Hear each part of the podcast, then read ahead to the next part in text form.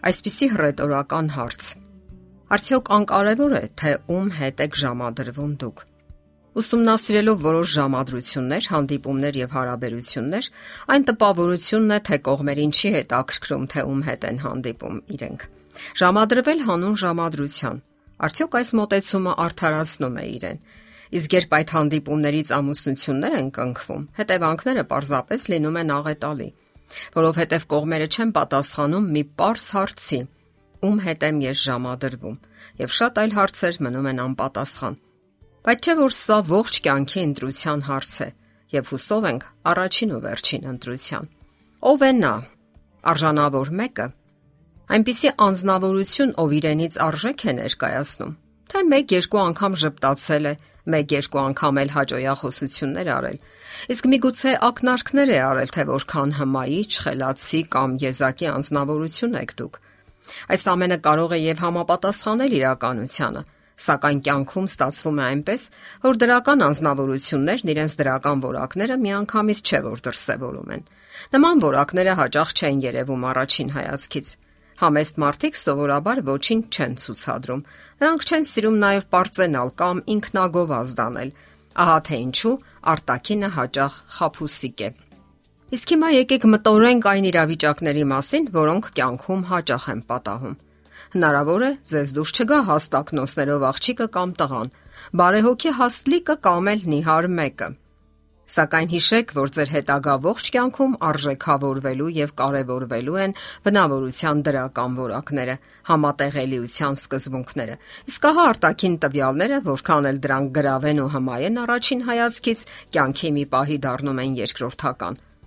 Ժամանակի ընթացքում համատեղ կյանքում կարևորվում են համեստությունը, ներողամտությունը, բարեհոգությունը, հասկանալու եւ ներելու ունակությունը։ Իսկ հաճախ ոչ այնքան գեղեցիկ արտակինի տակ հիանալի մարդկային հոգի է ապարփակված։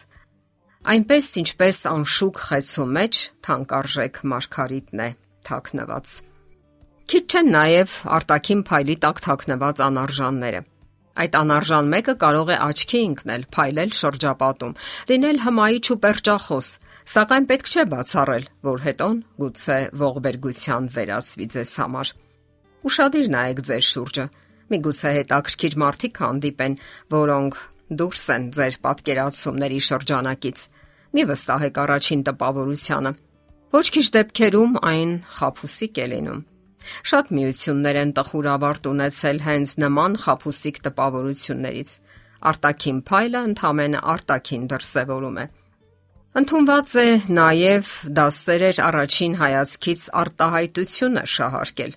Դա ներկայացվում է որպես անառարկելի փաստարկ ամուսնական միություն կազմելու համար։ Սակայն բազմաթիվ օրինակներ կան, որոնք ուղիղ հակառակն են ապացուցում. Իսկական ճշմարիտ եւ խոր սերը անցնում է ժամանակի փորձություն, այն հղկվում եւ կոփվում է կենսական փորձությունների բովում, այլ ոչ առաջին կայծակնային հարվածից։ Իսկ ինչ անել, որpիսի ձեզ հravirեն ժամադրության։ Սա արդեն մեկ այլ հարց է։ Ամենից առաջ դա սկսվում է մի կարևոր պահից՝ ընկերությունից։ Դուք պետք է հասկանաք, թե ինչ է նշանակում ընկեր լինել կամ ընկեր ունենալ։ Դրանից հետո ձեզ համար հեշտ կլինի հակառակ սեռին հասկանալը, ըմբռնելը եւ ժամադրության հravirելը կամ էլ ընդունելը։ Ասենք որ աղջիկը եւս կարող է նրբանկատորեն տղային հասկացնել, որ նա իրեն դուր է գալիս։ Հնարավորության դեպքում կարող է նստել նրա կողքին, նրա դիմաց, հայացքով հանդիպել, ճպտալ։ Աչքերով շատ բան կարելի ասել։ Տղան անմիջապես կհասկանա ձեր ուղերձը։ Իսկ տղայի մտերիմ ընկերն էլ, որ նստած է նրա կողքին, իր հերթին կաջակցի գործին։ Իսկ եթե ստացվի այնպես, որ զրուցեք, որքան հնարավոր է ուշադիր լսեք նրան, ցույց տվեք, որ այդ ամենը շատ հետաքրքիր է ձեզ, դա կքաջալերի նրան։ Հարաբերությունները հնարավոր է կարգավորել մտերիմ ընկերոջ միջոցով նաև։ Այս դեպքում պետք է վստահ լինեք, որ այս այս դեպքում պետք է վստահ լինեք, որ ձեր ընկերը խորագետ է, խելացի եւ ձեր ասասներն էլ ճշգրտորեն տեղ կհասցնի նույնիսկ մանրուքները, այլապես անհեթեթ իրավիճակներ կստեղծվեն։ Իսկ որտեղ հանդիպել նրան։ Սովորաբար տղաները գնում են այնտեղ, որտեղ աղջիկն է։ Կարելի է գնալ նաև այն վայրերը, ուր նա է գնում։ Եթե նույն ուսումնական հաստատությունում եք սովորում, Խնդրեք նրան, որ օգնի տնային աշխատանքները կատարելու գործում։ Կարող եք հանդիպել մարզական միջոցառումների ժամանակ, Հնարավոր է դուք նույն եկեղեցին եք հաճախում։ Օգտագործեք այդ հնարավորությունները։ Իսկ եթե նույն ընկերական շրջապատից եք, կարող եք ինքներդ հավաքներ կազմակերպել եւ հravirել ձեր մտերիմներին։ Բոլոր դեպքերում հնարավոր է, որ նա ճիշտ հասկանա ձեզ, իսկ դուք այնպես անեք, որ դա կպչունություն չդիտվի։ Մեր օրերում այնքան էլ տարօրինակ չէ, երբ աղջիկներն են նախաձեռնություն դրսևորում։ Պարզապես տղաներն իրենք են գերադասում անել այդ գործը։